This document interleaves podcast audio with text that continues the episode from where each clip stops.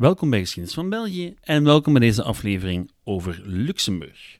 Nog zo'n land waarvan niemand echt goed begrijpt waarom het eigenlijk een dingetje is. En een land dat onherroepelijk verbonden is met België en Nederland. De geschiedenis van Luxemburg is er eentje van koningen, keizers en hertogen, maar evengoed van dynastiek toeval, rondtrekkende legers en geopolitieke compromissen waar eigenlijk niemand echt tevreden mee was. Behalve de Luxemburgers zelf misschien. Dat en nog veel meer in deze aflevering van Geschiedenis van België.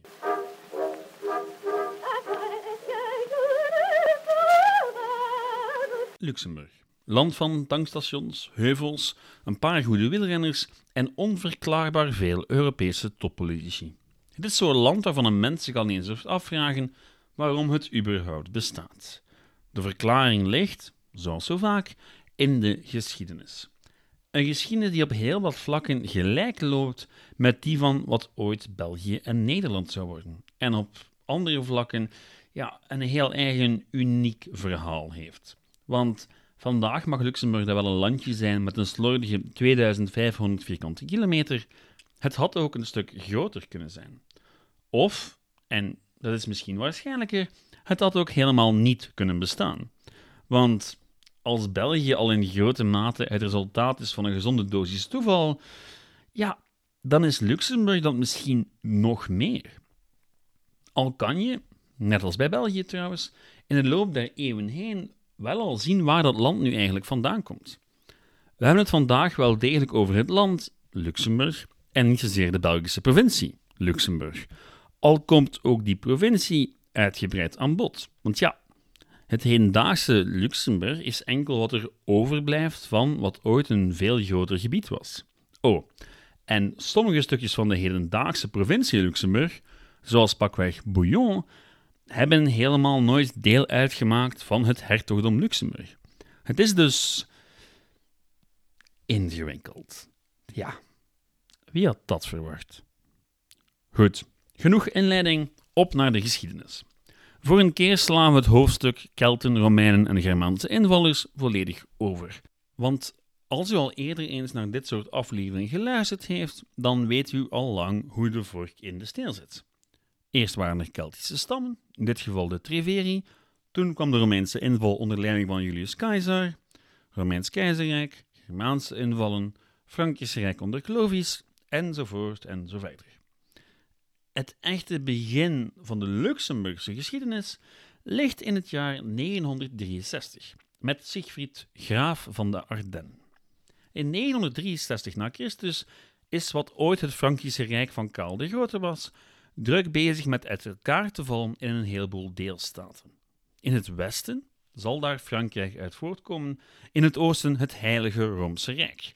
Het Heilige Romeinse Rijk, wel, verdient een eigen aflevering, maar was eigenlijk een soort van verzameling van Duitse staatjes. Wel, van oorsprong Duits, want wel, het hertogdom Brabant zat er ook tussen en het koninkrijk Boheem, hedendaags Tsjechië, zat er ook tussen. Het was een soort van amalgaam van staatjes waar een verkozen keizer aan het hoofd stond. Maar of die keizer dan ook echt macht had, ja, dat hing af van de keizer en hoezeer zijn vazallen het hem toelieten om macht te hebben. Nu goed. In 963 heb je dus die twee rijken die zich aan het ontwikkelen zijn. Het Heilige Romeinse Rijk en Frankrijk. En tussenin die twee lag oorspronkelijk een middenrijk. Het Koninkrijk Lotharingen. En um, wel, zoals met alles dat op een bepaald moment tussen Frankrijk en Duitsland ligt, werd het al snel verorberd door zijn twee grotere buren. Tegen 963 was het uiteengevallen in een heleboel kleinere gebieden, waarvan er eentje in handen was gevallen van onze vriend Siegfried. En die Siegfried, ja, die zat een beetje vast. Hij wou een territorium voor zichzelf uitbouwen, maar leek van alle kanten omringd te zijn door andere, kleine machthebbers, die net ietsje machtiger waren dan hijzelf. Hij belandde uiteindelijk in de vallei van de Alzette. En dat is een riviertje dat tot op de dag van vandaag nog steeds dwars door Luxemburg loopt. Op een rots aan die rivier bouwde hij een kasteel.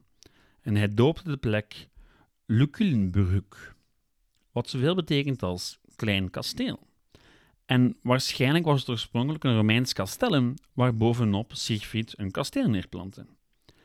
En dat is, kort samengevat, zowat het ontstaan van Luxemburgstad.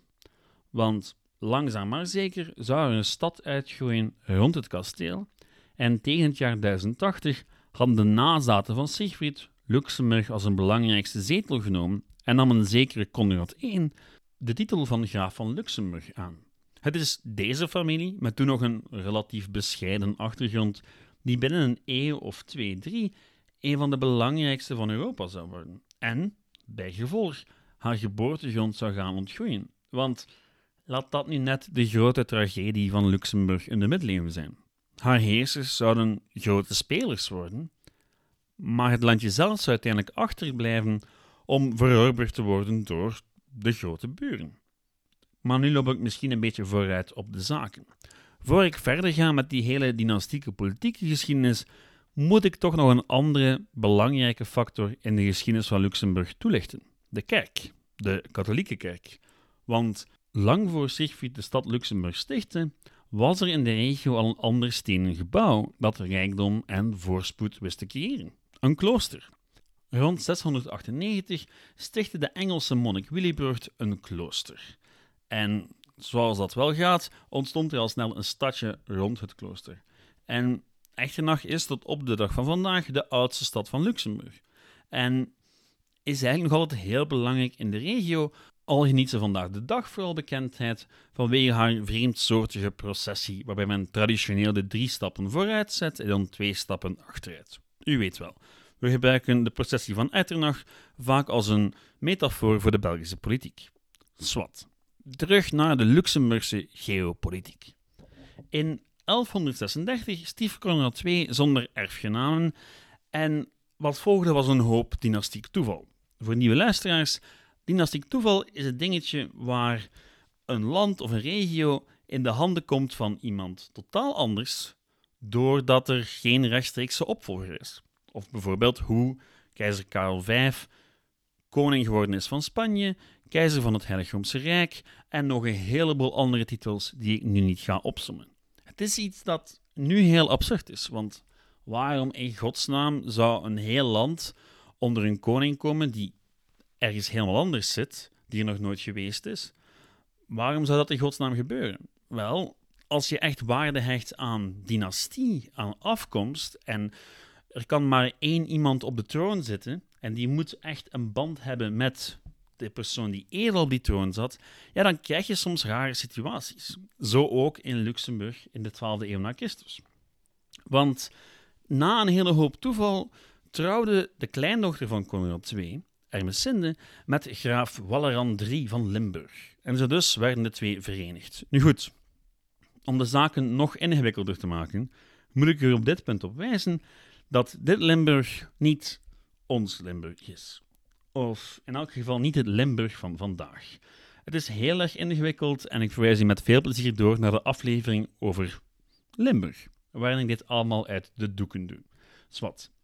De nazaten van Ermesinde kregen een heleboel lokale heerlijkheden bij elkaar en onder hun controle. En waar Luxemburg oorspronkelijk redelijk klein was geweest, begon het te groeien. Door veroveringen, door dingen te kopen, door nog wat dynastiek toeval. En dit was de periode waarin in de lage landen een heleboel staatjes probeerden zoveel mogelijk macht te verzamelen. Staatjes zoals Vlaanderen, Holland, Brabant, Luik enzovoort. En ook Luxemburg deed heel enthousiast mee. Zo kwam Namen af en toe in Luxemburgse handen terecht. Was het af en toe onafhankelijk en stond Namen soms zelfs onder bewind van de graven van Vlaanderen. Het was een periode van constant gekibbel tussen lokale heren, de Franse koning, de Engelse koning en de Duitse keizer. En een van de belangrijkste hoogtepunten van die periode was de slag bij Woeringen. Een slag waarvan ik dringend een aparte aflevering moet maken. Want ja, die is minstens even belangrijk en misschien belangrijker dan de Golden Sporenslag. Luxemburg en Brabant botsten bij Woeringen over het hertogdom Limburg en in de slag deed zowat de helft van het Heilig Roomse Rijk mee. Luxemburg verloor, zijn graaf bleef zelfs dood achter op het slagveld. En nu zou je denken dat dit het einde is van de hoogdagen van het middeleeuwse Luxemburg. Maar niks is minder waar. Ze moesten nog komen en ze kwamen eigenlijk vlak na die verloren superbelangrijke veldslag. Want de zoon van die dode graaf, graaf Henry VII, die zou niet alleen het conflict oplossen, maar uiteindelijk ook nog veel sterker uit die hele oorlog komen. Hij zou het conflict oplossen door te trouwen met een dochter van de hertog van Brabant, en hij bleek dus een waar talent te hebben voor diplomatie. Maar om zijn verzwakte graafschap te beschermen, zwoer hij trouw aan de Franse koning. Om dus ervoor te zorgen dat niemand ja, zijn niet bestaande leger zou uitdagen en zijn grondgebied zou innemen. Maar door die relatief zwakke positie werd hij plots iemand die redelijk graag gezien werd in het Heilige Roomse Rijk. En het, zou er zelfs voor zorgen dat hij keizer zou kunnen worden. Oh jawel, de graaf van het kleine Luxemburg zou keizer van het Heilige Roomse Rijk worden, ook al had hij al trouw gezworen aan de Franse koning. Hoe komt dat? Wel, ja, politiek. En eigenlijk kan je het bijna vergelijken met de typische Europese politiek vandaag, als er een commissievoorzitter moet gekozen worden of een, of een Europese president. Men gaat altijd op zoek naar een consensusfiguur en men gaat zeker niet iemand kiezen die te sterk is of te machtig of uit een te prominent land komt. Nee, men gaat op zoek naar iemand waar ja, niemand echt een groot probleem mee heeft. En dat gebeurde net met Henry.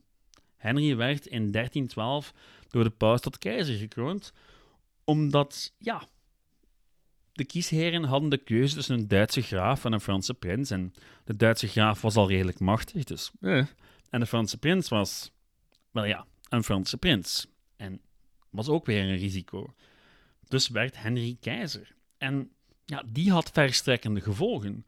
Want door de verkiezing van haar graaf tot keizer waren de heersers van Luxemburg plots geen louter lokale machthebbers meer. Integendeel. De zoon van Henry bijvoorbeeld, Jan de Blinde, ja, die kwam niet veel later op de troon van Bohemen terecht. Het hedendaagse Tsjechië. En al vlug verschoof het centrum van de macht van de dynastie van Luxemburg naar Praag. En die Jan de Blinde, die zoon van Henry, dat is echt een epische figuur. Hij werd door velen beschouwd als het perfecte voorbeeld van de ridder-koning. En goed, ja, als je zijn verhalen leest, het is echt een epische figuur. Zelfs nadat hij blind werd, bleef hij zijn troepen aanvoeren op het slagveld. Hij sneuvelde dan ook in de slag van Clichy, terwijl hij, blind zijnde, een cavalerieaanval leidde, zich er volledig van bewust dat de slag eigenlijk al verloren was. Jan de Blinde wordt vaak beschouwd als een ultiem voorbeeld van ridderschap. Nu goed, zijn zoon is eigenlijk nog bekender, want die zoon werd dan keizer van het Heilige Roomse Rijk.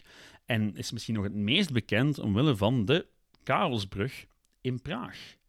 Maar met die Karel verschoof de aandacht van de dynastie definitief naar Luxemburg.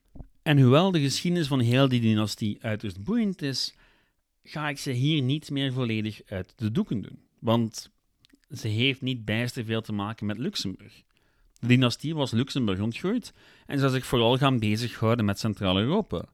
De nazaten van Jan de Blinde zouden onder meer heersen over Bohemen, Hongarije, Polen en een heleboel kleinere gebieden. Maar uiteindelijk zou het geslacht uitsterven en de Habsburgers zouden de erfenis claimen. En wel, niet alleen in Centraal-Europa trouwens, ook in Luxemburg. Het graafschap werd in 1354 gepromoveerd tot hertogdom. En daarbij werden een heleboel kleinere gebiedjes, die al onder de graaf stonden, ook officieel deel van Luxemburg. Denk aan Aarlen en Derby bijvoorbeeld. Luxemburg was eind de 15e eeuw op zijn grootst. En wat vandaag rest van Luxemburg is slechts een vierde van het totale grondgebied. En op dat vlak heeft het verhaal van Luxemburg veel weg van dat van Polen. U weet wel, vastgeklemd tussen twee grotere, sterkere landen, die nagelang het hen uitkomt stukjes van de zwakkere buur afknabbelen en onder hen verdelen. Eind 15e eeuw had zich wel al een typische Luxemburgse cultuur gevormd, met een eigen taal en hardnekkig verzet tegen opslorping van buitenaf. Al was die opslorping redelijk onvermijdelijk.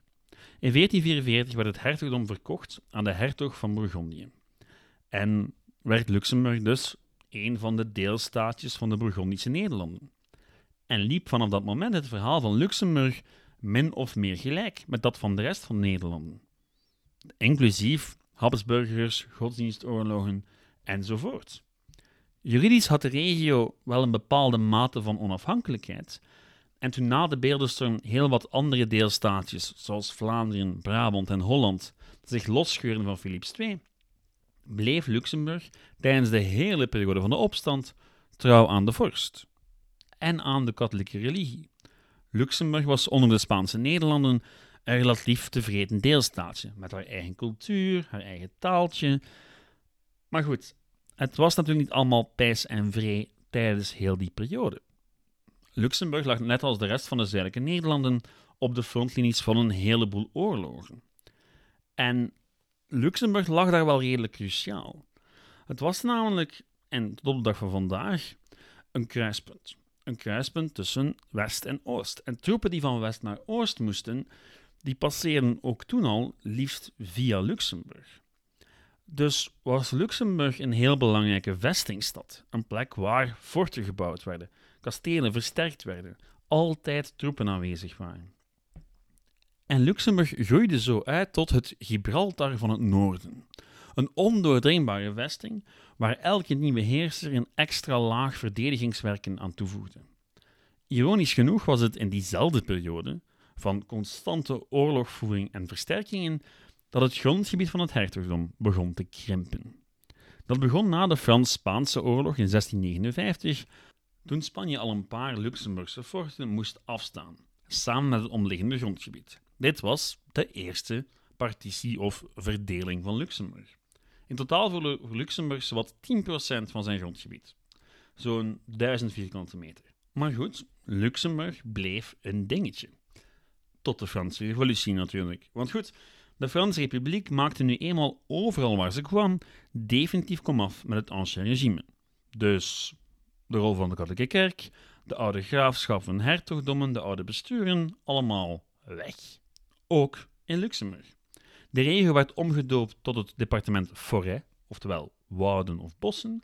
En nu zou u kunnen verwachten dat na de nederlaag van Napoleon bij Waterloo de klok simpelweg werd teruggedraaid. Maar dat gebeurde na Waterloo eigenlijk nergens. Er werd een nieuwe vorm, een nieuwe staat van Europa gevormd. Ook in Luxemburg. Allereerst werd een oostelijk deeltje van Luxemburg geannexeerd door Pruisen in de tweede partitie van Luxemburg. Deze keer ging het over 25% van het toenmalige Luxemburg. Een dikke 2000 vierkante kilometer. Inclusief trouwens Eupen en Malmedy, die later, na de Eerste Wereldoorlog, in Belgische handen zouden terechtkomen. De rest van Luxemburg zou deel uitmaken van het nieuwe Verenigde Koninkrijk der Nederlanden. Al moet daar wel nog een voetnoot bij. Want uh, ja, het was niet volledig deel van het Verenigd Koninkrijk. Luxemburg bleef een officiële staat, een officieel aparte staat, maar onder de Nederlandse vorst. En, extra voetnoot, de vesting in Luxemburg-stad werd niet bezet door Nederlandse troepen, maar door Pruisische troepen. Want ja, in het jaar 1815 waren heel wat mensen nog redelijk bang dat de Fransen zich niet zouden inhouden en zich niet zouden houden aan hun nieuwe grenzen. En dus was een Pruisisch leger in Luxemburg voor alle partijen een goede garantie dat Frankrijk niet zomaar eventjes Nederland of Duitsland zou kunnen binnenwandelen. Goed, vanaf 1815 maakte Luxemburg dus min of meer onderdeel uit van het Verenigde Koninkrijk der Nederlanden.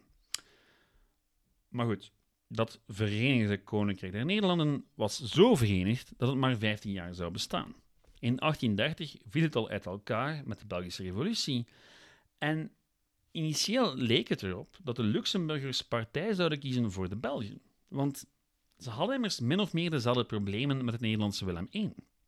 U weet wel, de klassieke oorzaken van de Belgische Revolutie. Boosheid over de benadeling van katholieken en de Franse taal, om nog maar te zwijgen over Willem I's stijl van regeren. En bij gevolg viel toen de revolutie uitbrak bijna de hele streek in Belgische handen. Behalve Luxemburg-stad natuurlijk, want ja, daar zat die fameuze vesting vol Pruisische troepen. En Belgische pogingen om het fort in te nemen, die mislukten. En wat volgde was een compromis waar ja, vooral Luxemburg het slachtoffer van was. De derde partitie van Luxemburg. Wat er nog over was van het hertogdom, ondertussen groot hertogdom, werd in tweeën gedeeld, waar, ja, waardoor het lang niet zo groot was. En het waren ook geen gelijke delen. België kreeg het westen van Luxemburg in handen. Zo'n dikke 4000 vierkante kilometer, de hedendaagse provincie Luxemburg. En ja, dat was 65% van wat nog overbleef van Luxemburg in 1815. De Nederlanders gingen akkoord omdat ze in ruil Maastricht en Nederlands-Limburg kregen en natuurlijk dat fort in Luxemburg stad mochten houden. Wat overbleef is het Luxemburg van vandaag. Door het afstaan van een groot deel van Luxemburg aan België stond Luxemburg ook een groot deel van zijn bevolking af. Vooral het Franstalige deel, om precies te zijn. En dat had dus ook heel wat impact op de cultuur en de economie. Want ja, plots was heel dat gebied in twee gedeeld en had men geen vrije toegang meer tot België. En ook geen rechtstreekse grens met grote broer Nederland. Het nu zo welvarende Luxemburg was binnen de 19e eeuw een arm, onderontwikkeld agrarisch landje, waarvan zo'n vijfde van de bevolking de benen nam naar de VS tussen 1841 en 1891. Een vijfde. Wat natuurlijk de vraag oproept hoe we dan tot dat onafhankelijke, rijke Luxemburg van vandaag komen. Wel, over dat rijke gaan we het een andere keer moeten hebben, maar dat onafhankelijke, dat heeft te maken met, ja, dynastiek toeval en de grootmachten. Een nogal klassiek antwoord als het gaat over de Belgische geschiedenis, maar het geldt evengoed voor Luxemburg. De grootmachten in kwestie waren Frankrijk en Pruisen. Pruisen was in de jaren 60 van de 19e eeuw een staat met een duidelijk doel. Alle Duitsers verenigen onder één staat. En de Pruisische staat, als het even kon. En de manier om dat te doen was om alle lokale concurrenten één voor één uit te schakelen en vervolgens alle Duitse staatjes te verenigen in oppositie tegen buitenlandse dreiging. En de grootste buitenlandse voor alle Duitsers was natuurlijk de erfvijand Frankrijk. Toen de Franse keizer Napoleon III, neef van, in 1867 de Nederlandse koning zo'n 5 miljoen gulden bood om Luxemburg over te nemen, stootte dat logischerwijs op Pruisisch protest. Want, wel, de Duitsers hadden dat fort nog, weet u wel. In een poging om een grote Duits-Franse oorlog te voorkomen, kwam er een congres. Het resultaat was een opgelegde Luxemburgse neutraliteit. Net als België jaren eerder moest het landje maar blijven bestaan. Al was het maar omdat niemand het echt eens kon geraken over wie het eigenlijk hebben mocht. Frankrijk en Pruisen zou uiteindelijk toch slaag geraken met elkaar. En het enige echt belangrijke effect van dat verdrag van 1867 was dat Luxemburg neutraal was verklaard en dat de Pruisische troepen er weg waren. Luxemburg bleef dus buiten schot. En de stap naar echte onafhankelijkheid die kwam in 1890. Ook al was die ook in grote mate een ongeluk. Dat zat namelijk zo. In 1890 overleed Willem III, de Nederlandse koning. En in Nederland volgde zijn dochter hem op, Wilhelmina. En in Luxemburg een verre neef, genaamd Adolf allemaal omdat het erfrecht in Luxemburg geen vrouw toeliet om de troon te erven. Anders dan in Nederland, want in Nederland had men dat toen al aangepast. En bij gevolg werd Luxemburg in 1890 echt onafhankelijk, met een eigen vorst. En wat volgde is een boeiende maar complexe geschiedenis van een land dat op zoek moest naar een eigen identiteit en een eigen politiek. En ja, dat verliep natuurlijk met vallen en opstaan. In 1912 kwam dan toch een vrouw op de troon, maar omdat ze nogal conservatief was en tijdens de Eerste Wereldoorlog net ietsje te close was met de Duitsers, moest ze in 1919 al aftreden. En wat volgt is de geschiedenis van hoe Luxemburg langzaam maar zeker meer internationaal werd en meer wou gaan samenwerken. En na de Tweede Wereldoorlog meer de basis zal leggen voor de Europese Unie. Maar dan hebben we het al veel meer over de geschiedenis van de Benelux en dat is iets voor de laat. Want ondertussen hebben we het doel van deze aflevering al min of meer bereikt. Zijn het waarom van Luxemburg? En het antwoord is ja, een gezonde mengeling van historisch precedent en toeval. Min of meer hetzelfde als bij België natuurlijk. Er was zoiets genaamd Luxemburg van in de middeleeuwen en omdat het nu eenmaal heel lang een territorium bleef, ontwikkelde zich een cultuur en een identiteit. Eentje die blijft bestaan tot de dag van vandaag, die ook redelijk sterk is. En hoewel Luxemburg op meerdere momenten leek opgeslorpt te worden door grotere entiteiten en zijn eigen identiteit dreigde te verliezen, is het blijven bestaan tot de dag van vandaag. Maar dat was het dus voor deze week.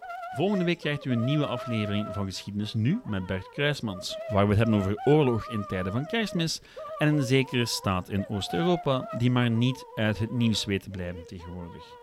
Hartelijk dank voor het luisteren en bedankt voor alle berichtjes van vorige week. U kan zoals altijd met al uw suggesties terecht op de Facebookpagina Geschiedenis van België of het e-mailadres geschiedenisvan.outlook.be. Oh, en op de Facebookpagina probeer ik in de loop van de week nog eens wat foto's te posten plechtig beloofd. Bedankt voor het luisteren en tot volgende week. Ciao!